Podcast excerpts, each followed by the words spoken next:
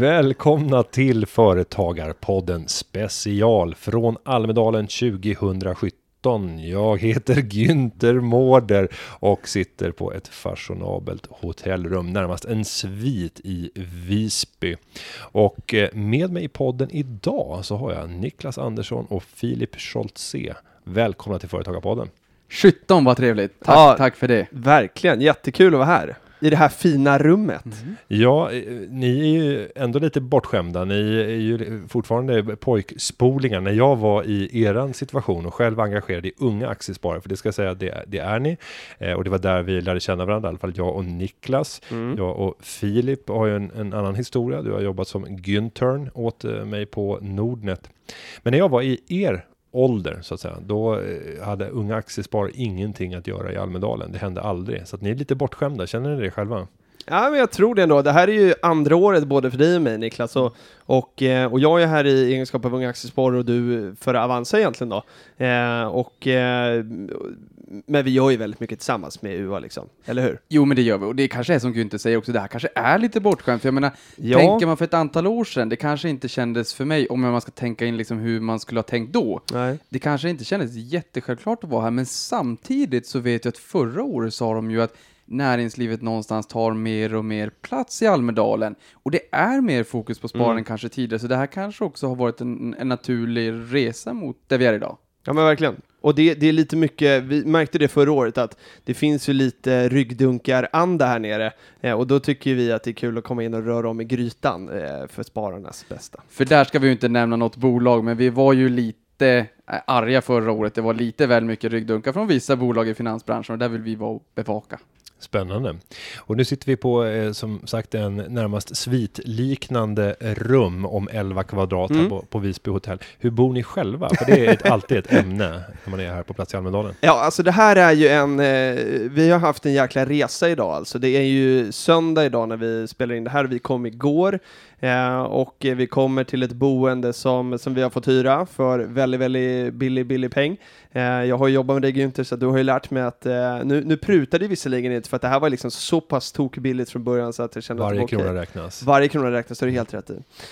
Centralt läge, jättefint, liksom såg det ut när jag kollade på Google Maps och sådär. Och, och så kom vi dit igår och kände så här, ja, det, var ju, det var ju inte toppfräscht, det var det ju inte. Men, men vi kände så här, nej, men det, här är okej ändå.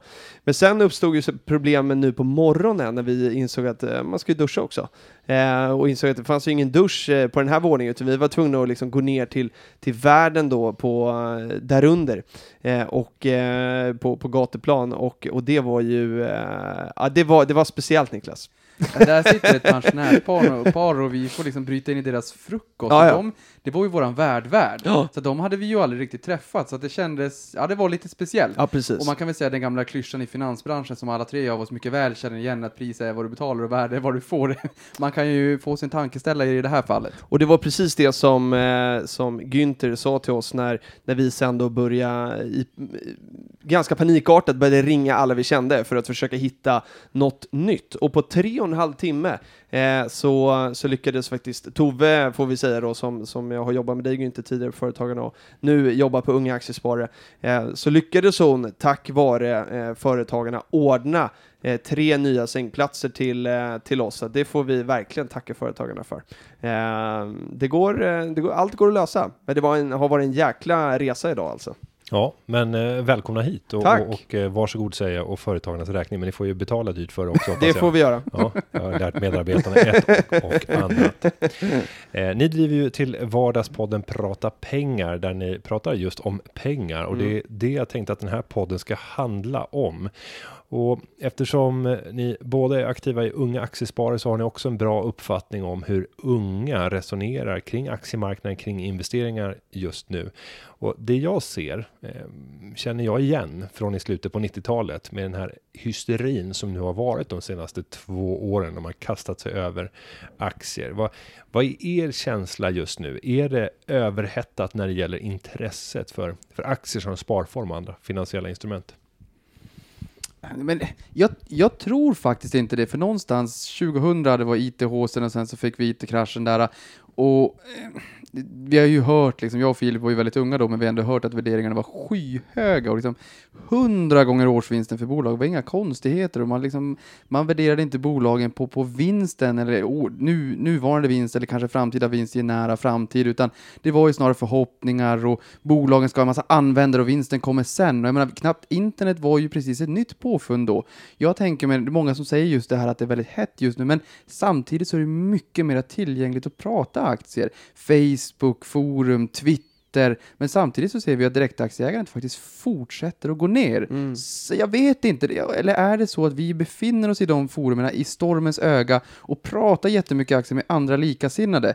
För där ute på stan eller runt om på arbetsplatserna i Sverige, jag är inte lika säker på att det är så mycket aktiesnack där. Jag vet inte, vad tror ni?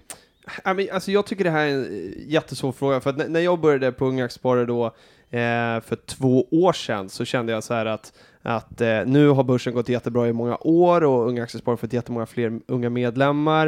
Eh, när kommer kraschen? Jag måste vara beredd på det här liksom. Och sen har det bara fortsatt upp och upp och upp. Eh, och nu när jag lämnar det här för att ge, ge över då eh, vd-ordet eh, kan vi nästan säga, med vd till Tove eh, här i augusti, så lämnar jag över eh, i samma situation som jag hade fast två år senare. Så att vi har liksom bara trissat upp det här ännu längre. Men eh, jag håller med dig Niklas, jag hoppas ju verkligen inte att, att eh, det här är en tokhås, men, men, eh, och, att, och att vi ska få uppleva ett 2000 igen. Eh, Men det är klart att det finns liksom risker med att, att det är så. Vi vet ju att när, och vi har börjat se det nu också, det kommer löpsedlar och, och det pratas i taxibilar, de här gamla liksom eh, varningssignalerna, att när det, när det når dit så är det dags att sälja. Men, men det är ju liksom hela din och min Niklas eh, liksom uppgift att vara den här aktiekompisen som, som sitter med även i, i ett sånt fall. Och vi brukar skoja om att vi som är unga, vi hoppas ju nästan att det ska ske så att vi får köpa riktigt billigt. Ja, för där måste vi också få vara med. Jag menar, förra toppen så tror jag att börsen handlades till, om vi pratar fikonspråk, P tal liksom hur årsvinst årsvinster man betalar för bolagen, runt 27 Mm. på nästkommande år. Och sen så fick vi ju kraschen 7 mars 2000. Men här någonstans nästa år ligger vi, kryper vi ner mot 15, så det är ju inte skyhög värdering, men fortfarande lite högre än historiken. Eh, Och jag hoppas som dig Filip, jag menar det är klart, det, det, vi, vi, jag ser folk ute i sociala medier som säger åh vad skönt om det skulle komma en krasch. Jag ska inte gå riktigt dit, Nej. jag tycker att det ska vara roligt med en krasch, men jag ska inte sticka under stolen med att det hade gjort väldigt ont. Det hade. Det hade varit tråkigt, man hade fått ont i magen, men också i, i kraschen som vi fick i finanskrisen var ju det bästa köptillfället i en generation. Mm. Problemet då är ju att eh, de som är nya på marknaden sällan hinner ur, så man ser ju hela sitt det. kapital. Sen å andra sidan har man mycket kassaflöden framför sig, men det är oftast en klen tröst i just det ögonblicket. Eh, jag minns ju själv till och med i den andra stora, eller 98 fick jag uppleva, men den var ju extremt liten, eh, Asienkraschen på, på hösten. Eh, och sen var det 2000 och sen 2008. Men, men 2008 så låg jag närmast i fosterställning och hade tappat 70 procent. Även om det var så att jag inte hade eh, levt med, eller i linje med mina tillgångar, så är det ju en chock Mm. när man plötsligt ser att oj, det är 70 procent mindre nu än vad det var för ett år sedan. eh, Liknande då. Eh, Men hur gör man för att sprida kunskap? För det här måste man nästan få uppleva själv. Eh, Men att få uppleva det i en lagom proportion. Alltså hur ser man till att dagens unga sparare får en lagom stor smäll när nästa krasch kommer? För den kommer ju. Mm.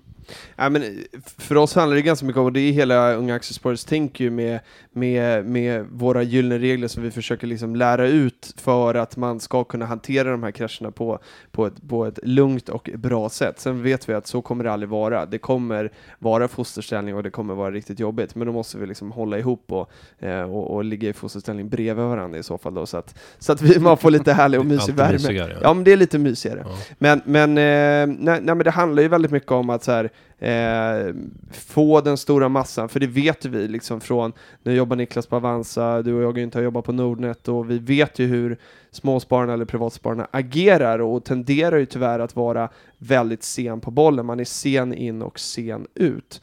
Eh, och, och det är där vi måste vara någon motvikt då, liksom, eh, vara det här språkröret som talar om för folk att så här, sitt still i båten och gör, gör som vi säger så kommer det här bli bra. Kanske inte som vi säger, men alla måste fatta sina egna beslut, men, men att man i alla fall eh, kan finnas där och stötta en gång i veckan. Det är därför vi har vår podcast, för att vi vill eh, regelbundet kunna uppdatera våra lyssnare om vad som händer där ute och hur man ska tänka kring det som är nu. Och det är just det där lite grann att vara med både i ur och skur. Eh, och att faktiskt vara med också när vi får Ja. en nedgång. För jag menar, ekonomin går ju i cykler, vi har ju konjunkturer. Sen vet man ju, det är ju lite svårt idag att säga vart i konjunkturen vi befinner oss för att det var så otroligt mycket stimulanser i, kring finanskrisen och först i USA men sen även i Europa och i Sverige också. Ka- träsket kanske vi inte har tagit oss ur och först var det en finanskris, en realekonomisk kris, statsfinansiell kris. Så det har ju varit mycket problem den senaste tiden men just att också finnas med där i sämre tider och jag menar det vet vi ju när vi tittar på börsen. I mångt och mycket de bolagen som har kommit in den senaste tiden har ju varit på mindre listor. Jag tror jag kan vara rätt övertygad om, nu tar jag det ur luften, men det är nog rätt många av de här bolagen som inte tjänar pengar, utan som är lite grann förhoppningsbolag och man använder lite derivat och man använder belåning och det, det är ju typiskt i den här fasen vi kanske befinner oss i. Men sen ska vi också komma ihåg från 27 oktober 2008 när börsen vände upp, så har det varit ganska mycket återhämtning också. Så jag tycker lite när folk säger att det har gått upp så himla många år så får man lite grann man man får lite grann ta hänsyn till att det också var en återhämtningsresa. Vad sa vi? Orderboken i Volvo försvann till 99% i finanskrisen. Det borde man ju förstå att lite av det där kommer att komma tillbaka. Men when shit hits the fan så vill alla ut samtidigt och då blir det ju det här jobbigt. Mm. Men det är också då vi behöver finnas där. Verkligen. Och jag tror just i Volvos fall så var det väl första gången ett bolag fick uppleva en negativ orderingång. Eh, när man faktiskt annullerade lagda ordrar och det kom Ah. ingenting nytt. Så det var till och med minus i orderingång. Det är smått omöjligt känns det som. Verkligen. Men eh, om vi nu går och tittar på marknaden så kan vi konstatera att den badar i pengar till följd av den expansiva Mm. penningpolitik som Riksbanken har fört nu under en lång tid eh, och som är menad just till att få ut pengar i systemet. Vi ska göra investeringar, vi ska få satsningar, det ska få fart på de ekonomiska hjulen, det i sin tur ska få fart på en inflation i slutändan. har misslyckats ganska grovt får vi väl eh, hävda och nu kommer man med förslag om att ändra eh, just måtten som man ska mäta på och Eh, använda måttet KPIF, konsumentprisindex, utan räntans effekter inkluderade. Eh, och, och det blir spännande att se. Nu remisstiden gick ut förra veckan i fredags. Nu får vi se remissvaren och gå igenom dem. Jag tror att man kommer få ett ganska stort stöd för det.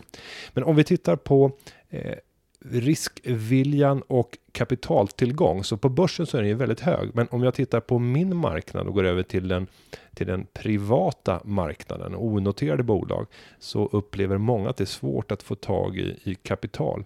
Gör ni någon betraktelse? Nu är ni på börsen, men gör ni även någon betraktelse för att titta på samstämmigheten i det som råder på börsen och det som råder utanför börsen i den privata marknaden? Alltså jag tror jag och Filip pratade om det här lite grann på båten på väg till Almedalen, att vi tycker att det här med den onoterade miljön är otroligt intressant. Men där har vi ju också blivit lovade att Günther ska komma tillbaka till våran podd och prata just om den här onoterade miljön, för att där finns det ju mycket affärer. Och någonting, du säger här att man har misslyckats med, med eh, att få upp inflationen och få ut, eh, liksom, få, få peng, ut pengarna i samhället, för någonstans har de här pengarna också stannat upp i systemet. De har liksom inte sipprat ner egentligen realekonomiskt där de gör nytta. Så det, det är ju lite av ett misslyckande. Jag menar, vi har träffade Patrik Wallén från Volati Mm. som menade på att värderingarna fortfarande kan vara rätt vettiga i onoterade miljöer. Och jag menar, vi har också pratat i mångt och mycket om den demografin och de utmaningarna vi har både i Sverige och Europa, alla, eller alla. Vi är ju fortfarande unga, men många blir ju äldre. Det kom lite arvsskiften, det finns inga naturliga tronföljare och där, de bolagen vill man ju kanske vårda som ägare, att de kommer till rätta händer. Det finns ju mycket för affärer att göra i en onoterad miljö, men där är jag och Filip, liksom, vi, vi önskar att vi kan komma in lite Mm. grann i den världen och där Günther har ju du en mycket, mycket bättre insyn. Ja, det jag skulle vilja åstadkomma, det är ju något typ av smart matchningsverktyg för hur Mm. de pengarna som finns i överflöd hos många i samhället till följd av att man har en hög sparkvot, man har eh, lyckats bygga upp ett kapital genom investeringar på börsen, bostadsaffärer och liknande. Hur skulle de även kunna bli tillgängliga för alla de entreprenörer, inte minst unga entreprenörer som ofta saknar helt access till Mm. pengar, eh, men där man skulle kunna få en betydligt större utväxling på sitt kapital och dessutom kanske känna att man gör en en större samhällsnytta. För det kunde jag känna när jag var engagerad på aktiemarknaden, att man sitter ju alltid på den här andrahandsmarknaden som Exakt. egentligen inte påverkar bolaget i någon större utsträckning förrän det händer någonting. Mm. Förrän man behöver resa nytt kapital. Men då plötsligt så fyller man en grundfunktion igen. Sen kan man säga att den löpande prissättningen av en aktie är nog så viktig i ett samhällsperspektiv. Men det känns lite ädlare någonstans att kunna vara med tillsammans med entreprenören i de där tidiga skedena. Kunna Mm. bygga en portfölj av mindre växande bolag där man gör skillnad. Och att kunna hitta den plattformen. Vad ser ni? För det finns ju en del plattformar med Mm. crowdfunding och crowdlending och liknande. Mm. Är det någonting av det som imponerar på er och där ni tänker att ja, men det här kan jag faktiskt tänka mig att nyttja mig av i, idag i mina investeringar? Ja men alltså, för att prata om den här håsen som vi pratade om innan också, så, så har det ju också snackats om att den här typen av eh, liksom plattformar som har kommit med, med crowdfunding och, och just equity crowdfunding då, eh, att det kanske är ytterligare ett tecken på att så här, nu är det håsigt. Vi måste hitta alla möjliga liksom, sätt för, för bolag att kunna ta in pengar och göra, eller göra exit då liksom. Eh, och få småspararna att kasta, kasta in pengar. Och det, och, det, och det har ju liksom funkat. Sen är det ju liksom samma där att, att allting som kommer den vägen är ju eh, Liksom risken är ju betydligt högre kanske när det ska in på börsen. För att det har ju har inte alls samma Eh, liksom urvalsfas eh, kanske och du har inte alls samma liksom eh, legala grejer som du ska gå igenom. Eh, processen är inte lika tuff som när du ska in på börsen, inte ens på en reglerad handelsplats. Så att eh, man måste ju vara väldigt, väldigt försiktig. Sen märker ju vi ett jättestort intresse. Vi kan bara kolla på Unga Aktiesparare som där många av våra lokalavdelningar runt om i landet gör event med den här typen av bolag och aktörer. Eh, så att intresset är ju enormt stort och många av de här plattformarna vill också attrahera den unga målgruppen, vilket man kanske inte tänkte från början för att det är inte våra medlemmar som sitter på mest pengar idag, men kanske kommer liksom ha det framåt. Eh, men då blir det just det här att du får den här lilla, lilla, lilla kakan och då, då måste man nog likt som när man handlar på börsen där vi pratar 10-15 aktier göra samma på den här typen av plattformar för att få, eh, få riskspridningen. Ja, sen tänker jag lite grann också, tittar man på den här typen av aktörer och plattformar så ser man ju också att värderingarna skäms ju inte för sig. Nej, verkligen Eh, inte. För det kan man ju kanske säga, det tror jag inte det spelar in här också, att i, om man tittar i den onoterade miljön så kanske det också är lite lägre Mm. multiplar och det kanske är lite billigare som sig bör för att det är onoterat och det är inte samma liksom, möjligheter att, att sälja en aktie egentligen än precis när börsen öppnar klockan nio på en vardag. Eh, Men där är liksom värderingarna ganska höga och ibland kan det ju vara så att man tror att också både omsättningen och lönsamheten ska stiga väldigt mycket, att bolaget ska fortsätta växa och expandera. Mm. Men, men eh, det är ganska mycket intecknat i, i de kurserna man ser eller när, när bolagen liksom listas på de här Mm. eh, mindre platserna, eh, alternativa handelsplatserna. Mm. Men, men jag menar, när vi var på väg hit, det finns ju någon app här i Almedalen där man kan träffa och matcha andra spännande individer i olika delar av näringslivet och även i den politiska världen. Nå någonting sånt kanske, för att, för att Filip, vi har pratat mycket om det här just intressanta med startup-scenen, Mm. med bolag i tidigt skede. Vi, varit lite, vi fick en cliffhanger när, när Günther var med i vår podd senast Ja, för, det. för det här temat. Mm. Och att träffa människorna bakom också, för att Mm. de här människorna som är otroligt duktiga, som man kanske tycker att den här människan är jätteduktig. Det den gör just nu kanske jag inte vill investera i, det där tror jag inte på, men den här människan kommer definitivt driva ett bolag senare i livet, i framtiden, det vill jag haka på. Mm, mm. Så att också kunna vara med i någon form av nätverk och hitta de här spännande entreprenörerna, driva, drivna människorna. Och inte bara se ett bolag på en plattform och säga det där vill jag vara med i och sen så är det en ganska hög värdering och sen blir det ganska jobbigt den dagen börsen viker. Ja, det blir För, för där, där har ju liksom likviditeten är helt annorlunda. Sen kanske det är Helt bra. annorlunda. Det kanske visserligen är bra då, för att då får man inte de här effekterna som du får på börsen där alla pengar ska ut, för här kan inte pengarna flöda ut. Eh, men, men, men då är ju risken också liksom betydligt, betydligt högre. Men också kunna vara lite spännande att vara med i något case med, med människor som man har träffat i Mm. någon form av entreprenörsnätverk och man får vara med innan bläcket egentligen ens har torkat Mm. på, på, på liksom när man, när man liksom stipulerar affärsidén och vad man ska göra. Exakt. Att kunna vara med i ett riktigt tidigt skede det tycker jag känns jättespännande. Man Mm. vet bara inte var man ska börja Men riktigt. sen har du ju där också då att då vill du vara med och påverka och utmaningen då är ju att då måste du gå en annan väg än via någon av de här eh, liksom, eh, crowdfunding-plattformarna. För då blir det ju en i mängden precis som på, eh, på börsen. Mm. Och då krävs ju helt plötsligt ett annat typ av kapital. Och det är det Günther är lite ute efter tror jag här kanske också, just att någonting utöver den här Mm. vanliga plattformen som finns idag, kan man, hur kan man göra det på ett annat sätt? Mm. Ja, för du, för du har ju en annan aspekt än det du kan komma åt på plattformarna. Det är just den här matchmakingen. Det är ju en människa som investerar i en annan människa. Exakt. Det är inte bara kapital. På börsen är det kronorna som räknas och det är där avslutet sker. Mm. Det spelar ingen roll vem som är på andra sidan. Men för en, en entreprenör så handlar det ju väldigt mycket om vem är det jag tar in i mitt bolag? Vad kan den här personen tillföra som jag inte har? Och det är det som gör att crowd equity-plattformar, ja, där är det ju fortfarande att man har lånat draget från aktiemarknaden. Mm. Det är pris man går på. Men det finns många andra dimensioner. av det mänskliga där man kanske skulle behöva mer av en dating-app snarare. Så en dating-app där man har, vad vet jag, registrerat vilka investeringsvolymer man har Mm. så att man vet inom vilket segment man, man kan tänka sig att vara och därefter titta på människor och människotyper eh, för att kunna matcha ihop. Och det borde kunna gå att få en ganska bra digital matchning om man tänker att man kopplar samman LinkedIn, Facebook, Mm. Twitter, Instagram för att se hur ser kontaktnätet för den här Exakt. personen ut. Du kanske till och med kan göra en målgruppsanpassning för den produkt eller tjänst som du säljer för att sedan leta vem i mitt nätverk två led bort har det starkaste eh, den starkaste täckningen och den starkaste kontaktnätet mot den här målgruppen och dessutom kapital att investera. Skulle LinkedIn kunna vara en aktör som kunde skapa det här? För att LinkedIn Mm. är ju den plattformen idag som har mest av den typen av information som jag behöver för att kunna fatta ett investeringsbeslut i en annan människa. Eh, skulle man då addera aspekten att kunna ange kapitalintervall och bygga in smarta matchningsfunktioner. Ser ni potential? Ja, men det, borde, det borde ju kunna funka. Jag, jag som inte tycker att LinkedIn är toppen eh, idag eh, skulle tycka att det var jättekul ifall de kunde gå en sån väg. För, att, för där känns det verkligen idag som att all data, all liksom, information finns på den plattformen. Men den används ju, nu är, inte- nu är inte jag ute och rekryterar liksom jätteofta, men jag vet att rekryterare använder den sajten idag.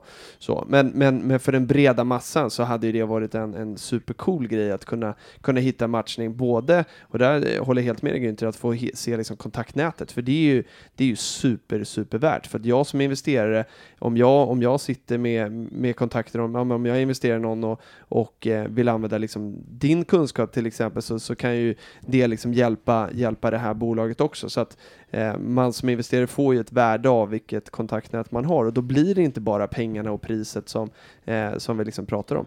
Men sen inte minst liksom kunskapen, där, där ju LinkedIn är duktiga på att mappa upp så här vad, vad, vad man sitter på för specialkompetenser om och, och det vill ju bolagen åt. Fast jag är inte så imponerad av det där. Alltså jag, jag tycker inte riktigt om LinkedIn. Nu har ju Microsoft köpt Ja, det där. nu pratar kanske... vi utveckling av LinkedIn. Jo, men alltså att man har någon plugin i LinkedIn. Jag vet inte riktigt. Jag tycker att LinkedIn i en social mediasfär är väldigt styrmoderligt behandlad och jag Mm. skulle inte bara rakt upp och ner på en scen här utanför om jag skulle berätta om LinkedIn och egentligen vad USPen är, riktigt kunna förklara det annat än att det är så att det är egentligen den enda kanalen där det blir mer åt företagande, karriär. Jag skulle snarare vilja ha en, en, en egen app eller ett eget program där man har liksom en ny sajt som man bygger utifrån men kanske feedar in information via någon plugin via LinkedIn Mm. möjligtvis. Men jag skulle vilja ha ett eget gränssnitt, typ som den här appen som vi pratar om här, där man kan matcha personer och tycka att det är lite intressant att den här personen kommer från det här företaget på den här positionen, eller har startat det här bolaget, de vill jag träffa över en Mm. kaffe och diskutera lite mer.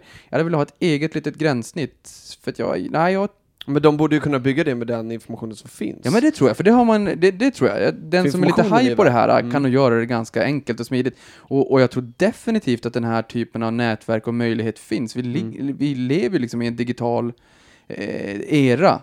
Och att, som Günther här säger, det är lite svårt att matcha liksom, investerare, kompetens och även entreprenörer som kanske inte går till en crowdfunding-plattform men som vill få in både pengar och kunskap och lite driv och, och, andra kompetenser än vad man själv sitter på. Jag tror stenhårt på att om man gör det på rätt sätt, eh, att man Mm. helt klart kan få ut synergieffekter av en Mm. sån. Sen har du en annan dimension och det är ju vilken typ av entreprenör eller företagare som man möter i olika fora. Mm. Och där skulle jag vilja hävda att de som du idag ser vad man brukar kalla på startup-scenen eh, och de som finns på crowd equity-plattformar och liknande. De har ju ett professionaliserat synsätt och befinner sig redan i någon form av liksom finansiell kontext när de tänker. Det, de utgör en väldigt liten del av det totala företagandet. Men den gruppen som är mest intressant, det är ju de som befinner sig så långt bort som möjligt från det här. Som aldrig kommer synas på ett startup-event. Mm. Som aldrig tänker tanken att ens gå ut på en, en öppen runda på en crowd equity-plattform. Mm. Eh, men de är otroligt mycket svåra att hitta. Men de finns oftast i vårt personliga nätverk. Mm. Eh, li- lite mindre, eh, liksom, lite mer anonyma, lite mer försiktiga i sin framtoning. Gnet lattar på. Mm. De startar sitt bolag eh, med ganska liksom, stor frenesi men gör inte speciellt stort väsen av det. Det är där man vill komma in eh, och kunna göra investeringar och kunna se hur kan jag vara med och komplettera den här personen och kanske öppna upp så att fler från den andra världen får se de här. Hur tänker ni om ni skulle resonera, om ni nu skulle bege er ut och leta? Vad skulle ni ha för angreppssätt om ni vill hitta någon privat investering? Ja, det, det där är ju lite grann, alltså längst bak i Dagens Industri, Ja. om man sen blippar fram där på de här allra sista sidorna så brukar det vara lite sådana här kontakt-dating-annonser som Günther pratar om Ja, här. exakt. Det är att investerare sökes och så kanske så till en spännande idé bara, man kanske inte vill säga något mycket mer och så är det Nej. telefonnummer och en mail. Men, eller, ja i och för sig då kanske de inte söker investerare, men det finns ju också företagsmäklare då, där man kanske ska sälja bolaget och sådär. Men i annat fall, hur, hur gör man? Mm. Hur hittar man de här?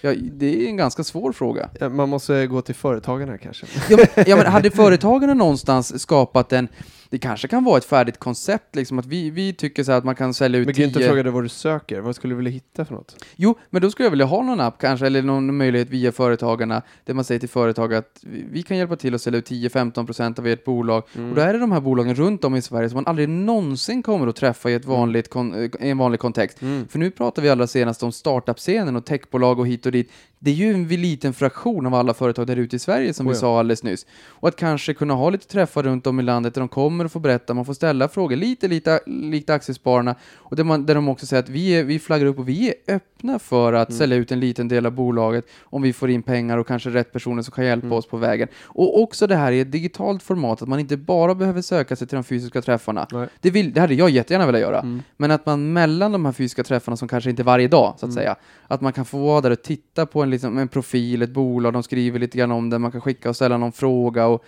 jag, jag, känner så här lite, jag, jag blir lite så här, äh, det känns spännande. Jag, Ja. så, det här, sånt här vill jag höra mer om. Mm. Och, och jag tänker så här, för den här startup-scenen är ju väldigt spännande och det är som... Det är som Inte bara startup. Nej, det, men lå, låt mig komma dit. För att, för, men det jag upplever med startup-scenen är att den ska ofta vara ganska sexig. Alltså bolagen och det man gör, personerna bakom. Eh, alltså det är ganska mycket liksom, det är mycket cred, det är coola människor och det ska liksom vara det som eh, ska revolutionera världen. Jag hade ju tyckt det hade varit, eh, liksom, eh, det jag menar är så här, de bolagen, ja det låter coolt och det ser, kan se bra ut på ytan, men ibland tycker jag när man skrapar lite på ytan på många av de där så finns det inte jättemycket liksom värden där bakom som jag och Niklas liksom sitter och, och, och tittar på kassaflöden och försöker liksom Eh, nu säger jag räkna fram ett värde, men se att det verkligen finns en riktigt bra business som genererar eh, liksom, pengar till eh, på sista raden. Det, det tycker jag är, är mer sällan i den typen av liksom, grupp, så man vill ju komma åt de här som kanske har, eh, ja men, eh, är duktiga och kanske liksom förändrar någonting i mer traditionell business. Skulle kunna vara en målerikedja eller liksom någonting som är eller skrothandlare eller någonting som är någonting helt annat som inte kanske hamnar på startup-scenen här, coola primetime här i Almedalen som inte söker sig hit, precis som du är inne på Günther, utan någonting som, eh, någon som gnetar på, tycker att sin business är det bästa som finns och inte tycker kanske att det här forumet i Almedalen är, är det man eh, lägger tid och pengar på, utan, utan det är businessen där hemma. Det är de man vill hitta. Sen ska man nog vara också tydlig med att det finns eh, lite så här asymmetrier och problem eh, när man investerar i privata bolag. När vi investerar på börsen, då vet vi att bolaget är genomlyst. De har en lika behandling av alla aktieägare. Eh, när vi investerar i en privat miljö så är inte det lika självklart, för det är liksom huvudägaren som är samma som vdn, eh, som grundare och det är personen själv som sköter redovisningen Mm. och, och, och därmed kan styra ganska mycket själv. Det finns ju sådana exempel även på börsen, men det är ändå en hårdare reglerat och lika behandlingen tror jag, ja, den övervakas betydligt hårdare på börsen. Eh, så det där är också en, en informationsproblematik. Sen nästa del, det är ju redovisningen. Investeringssparkonto och kapitalförsäkring har ju varit fantastiskt för alla unga. Att Mm. slippa behöva sitta med de här K4orna som vi hade när vi växte upp. Eh, Och där det alltid blev något fel. Mm. Ibland var det till ens egen fördel, ibland var det till Skatteverkets fördel. Men, men det blev alltid något fel, det var min upplevelse. Det här kan vi, när vi investerar i onoterat så kan vi inte komma in i en sån miljö, utan då ska vi sitta med K10-blanketter och, och fylla i. Och det är, ganska, det är ganska omständigt. Man behöver hjälp vanligtvis för att Mm. kunna göra det. Och där skulle jag vilja flirta lite grann med tanken, och, och nu är ni båda inne i digitala bankvärlden. Tänk er att skapa en ny typ av eh, tjänst där man kan marknadsprissätta en onoterad aktie. För att det är där du har problematiken på ett investeringssparkonto och kapitalförsäkring. Du måste ha en marknadsprissättning av aktien. Mm. För skatten beräknas ju schablonmässigt eh, på det värde som, Mm. som portföljen har. Men skulle man kunna skapa en fake notering av ett bolag. Det finns egentligen ingen fungerande handel, men det finns en fungerande prissättning. Hur kan man runda det här systemet? Ungefär som om vi går tillbaka till början av 2000-talet. Eh, ja, det var då Nordnet kom på kryphålet i försäkringslagstiftningen och uppfann den moderna kapitalförsäkringen som sedan banade väg för eh, investeringssparkontot i förlängningen. Men det var ju inte alls menat att användas på det sättet. Nej.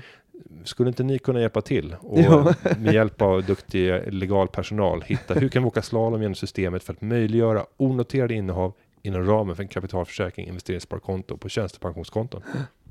Det borde ju, eh, en av de här eh, buzzwordsen som det pratades mycket om här förra året i Almedalen och som det säkert kommer göra i år också i, i AI och artificiell eh, intelligens. Och, eh, eh, och, och det borde ju kunna vara en sån här, du borde ju kunna tala om för en dator hur- vad den ska, hur den ska prissätta olika parametrar och så bara har man en, liksom så här, du får upp ett pris, det är som du säger, det finns ingen handel, det finns ingenting som, som eh, blir inga avslut, det, det sker bara utanför med något papper.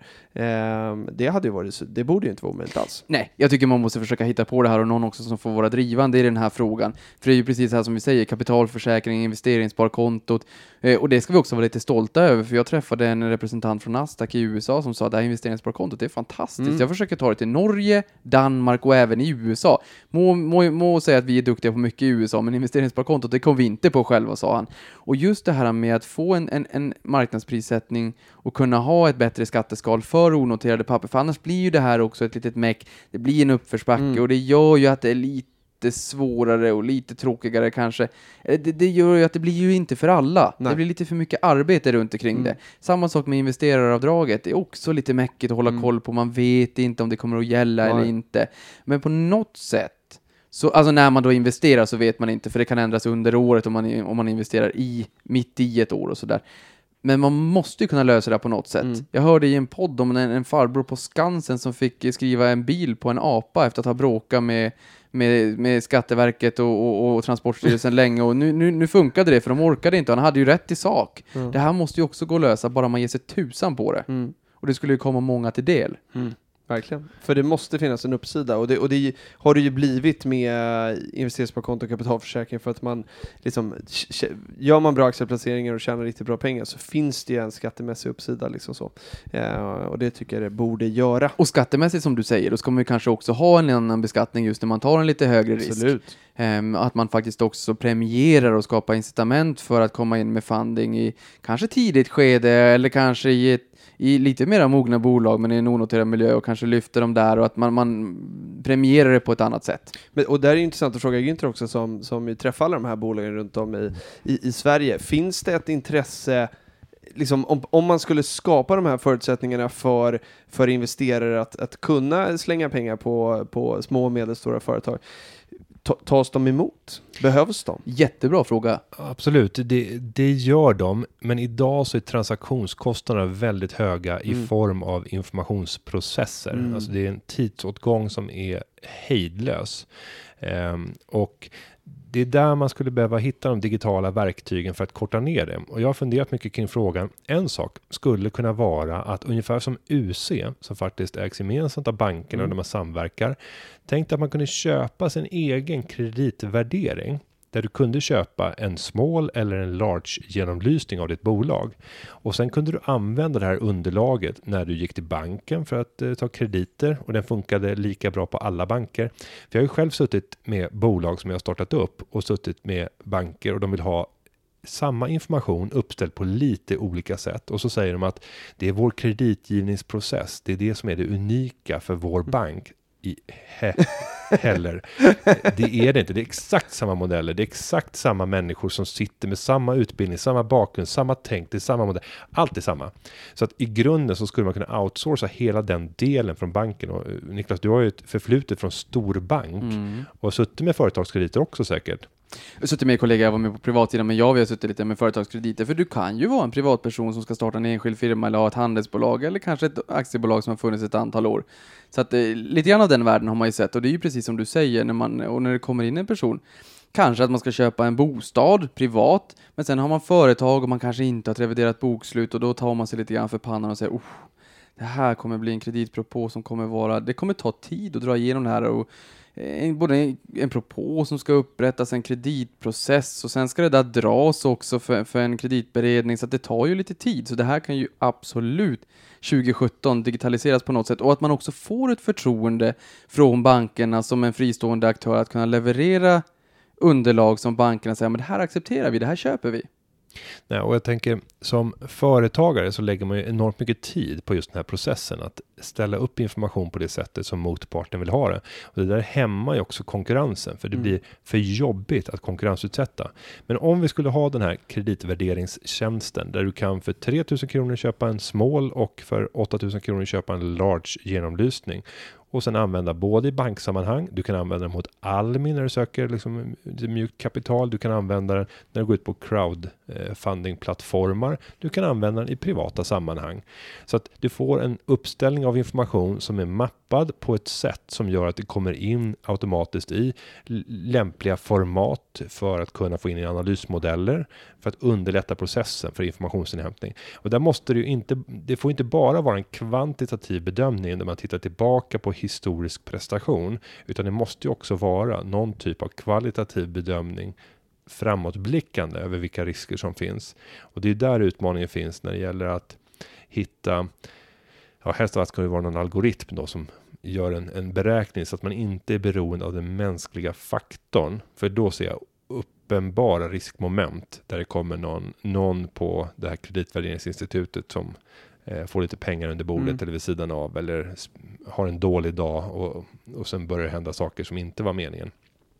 Men jag tror att hela, hela marknaden skulle kunna gynnas av en sån här process. Jag vill också hävda att bankerna i rätt hög utsträckning idag undviker att överhuvudtaget titta på en företagare som vill ha en kredit på 200 000, 400 000. Mm. Det tar alldeles för lång tid. Om du tittar på processen, tidsåtgången det tar att bedöma den här företagaren för att säga ja eller nej, för att sen erbjuda, om du säger ja, en ganska dålig ränta oftast, eh, jämfört med ett bolån där du bara kan fylla i det på nätet och klickar igenom och så 4 miljoner ett klick. Även om räntan kanske är en tredjedel av det så ja, det kräver ingen mänsklig handpåläggning. Det är klart att man kommer hellre låna ut pengar till bolån än att låna ut den till ja. företagare. Och så är frågan, vad är mest nyttigt för samhället? Mm. Vad gör en miljon för nytta ytterligare bolån eller en miljon till en företagare som har en idé om hur man kan lösa ett problem som ingen har lyckats lösa på, på det Mm. sättet tidigare. Men, men då, och då landar vi någonstans i att, att så här, om de här, dina medlemmar i Företagarna, om, om det hade varit enklare, då skulle de kunna liksom växa mer eh, liksom, än, än, än vad de kan idag. Så Absolut. skulle vi få undan hindren så skulle det vara bra för Sverige. Jag, jag vill nog hävda att det är många företagare idag som begränsar sig vid tanken Mm. eh, och när man tittar ner i plånboken och säger att det här är vad som finns. Jag, Mhm. jag vet att jag inte kan få mer och därför så låser jag tanken vid massa möjligheter. Mm. Det har jag märkt när jag är ute och möter företagare där jag potentiellt skulle kunna investera. Att det händer någonting när jag börjar berätta för dem och säga att vad skulle hända om ni hade plötsligt 3 miljoner på företagets konto? Hur hade ni agerat då? Mm. Hade ni gjort allting precis likadant eller hade ni gjort någonting annorlunda? Eller om man gjorde, om jag köpte deras befintliga aktier. Det är ju en annan variant att jag inte investerar i bolaget genom en nyemitterad Mm. aktie utan jag köper befintliga aktier. Och så är så här, vad hade hänt om du som huvudägare hade fått 2 miljoner i fickan för att jag hade köpt dina aktier? Du var pri- privatekonomiskt safe. Mm. Du kunde betala av halva ditt bolån. Hade du agerat annorlunda i ditt bolag då för att du hade lägre risk i ditt privata liv och kanske kan skruva upp ditt yrke, din yrkesmässiga risk? Och i båda de där fallen så brukar svaren vara att ja, jag skulle förändra mitt beteende. Och då är det klart att då betyder ju det indirekt Exakt. att jag har bakbundit mig själv till följd av antingen företagets ekonomi eller min privata ekonomi. Och det är det här jag skulle vilja komma åt. Ja men det där är ju Mm. sant och det här måste man ju kunna strömlinjeforma för det Oh, ja. är ju det, det är otroligt mäckigt att komma in som företagare på ett bankkontor och söka pengar. Och jag menar, det, precis som vi säger också, man hade kunnat ha något dokument som man vet är från, från en, en fristående aktör som man också litar på. För det är mycket enklare att bara ett bolån bara rasslar igenom systemet, inte alltid men oftare i alla fall. Eh, än att gå in där och ska man ha reviderade bokslut, någon ska titta på det, man ska riskbedöma och det är kreditkommittén och allt vad det är. Eh, och sen ska vi också vara medvetna om att bankerna och när det kommer till riskvikter och hur mycket pengar man måste hålla till olika utlåningar, för det är olika risk på olika utlåning och där ner premieras ju, eller premieras ju bolån. Eh, och den privatpersonen ses ju som en lägre risk eh, för det är ens eget personnummer och sådär som man liksom borgar för, eller vad man ska säga, kontra ett företag som man skulle kunna försätta i konkurs. Och det Mm. gör ju också att pengarna i större sannolikhet sipprar ner till privata bolån, till privatpersoner, än till företagen. För det är ju incitament, eller det finns ju incitament där ute att faktiskt premiera privata hushåll. Och som vi också har varit inne på, om man ska få då pengar för att finansiera det här bolaget och kunna ta nästa steg i mognadsprocessen, ja då kanske man måste både panta bil och sommarstuga och allt vad det är Mm. och då blir man ju lite bakbunden och det, det, det, det blir risk både i bolaget som vi har varit inne på men även i privatlivet. Så det är klart att eh, utan, utom rimligt tvivel att man agerar på två olika sätt. Mm. Jag tror att det finns eh, mycket att fortsätta gräva i här och kanske får vi ta fortsättningen i, i eran podd i Prata pengar och Jättegärna. börja prata mot målgruppen som sitter och har pengar att investera. Nu Mm. är det framförallt målgruppen som har ett bolag och kanske vill hitta en investerare som har fått höra det här. Så jag skulle vilja säga ett stort tack till Niklas Andersson och till Filip Scholtze för att ni har kommit till Företagarpodden och eh, velat resonera kring de här frågorna. Tack så jättemycket. Tack så jättemycket. Sen hoppas vi att företagarna också tycker att det ska vara kul och liksom kunna hjälpa oss att förstå hur man kan investera i de här bolagen. För jag och Filip tycker det här är jättespännande. Verkligen. Det är klart vi ska göra någonting av det. Och med det här så säger jag att eh, den här podd, podden har eh, klippts och gjorts i ordning av Amanda Svensson och Linda Aunan Edvall. Vi hörs igen nästa vecka, varje onsdag hela sommaren. Hej så länge!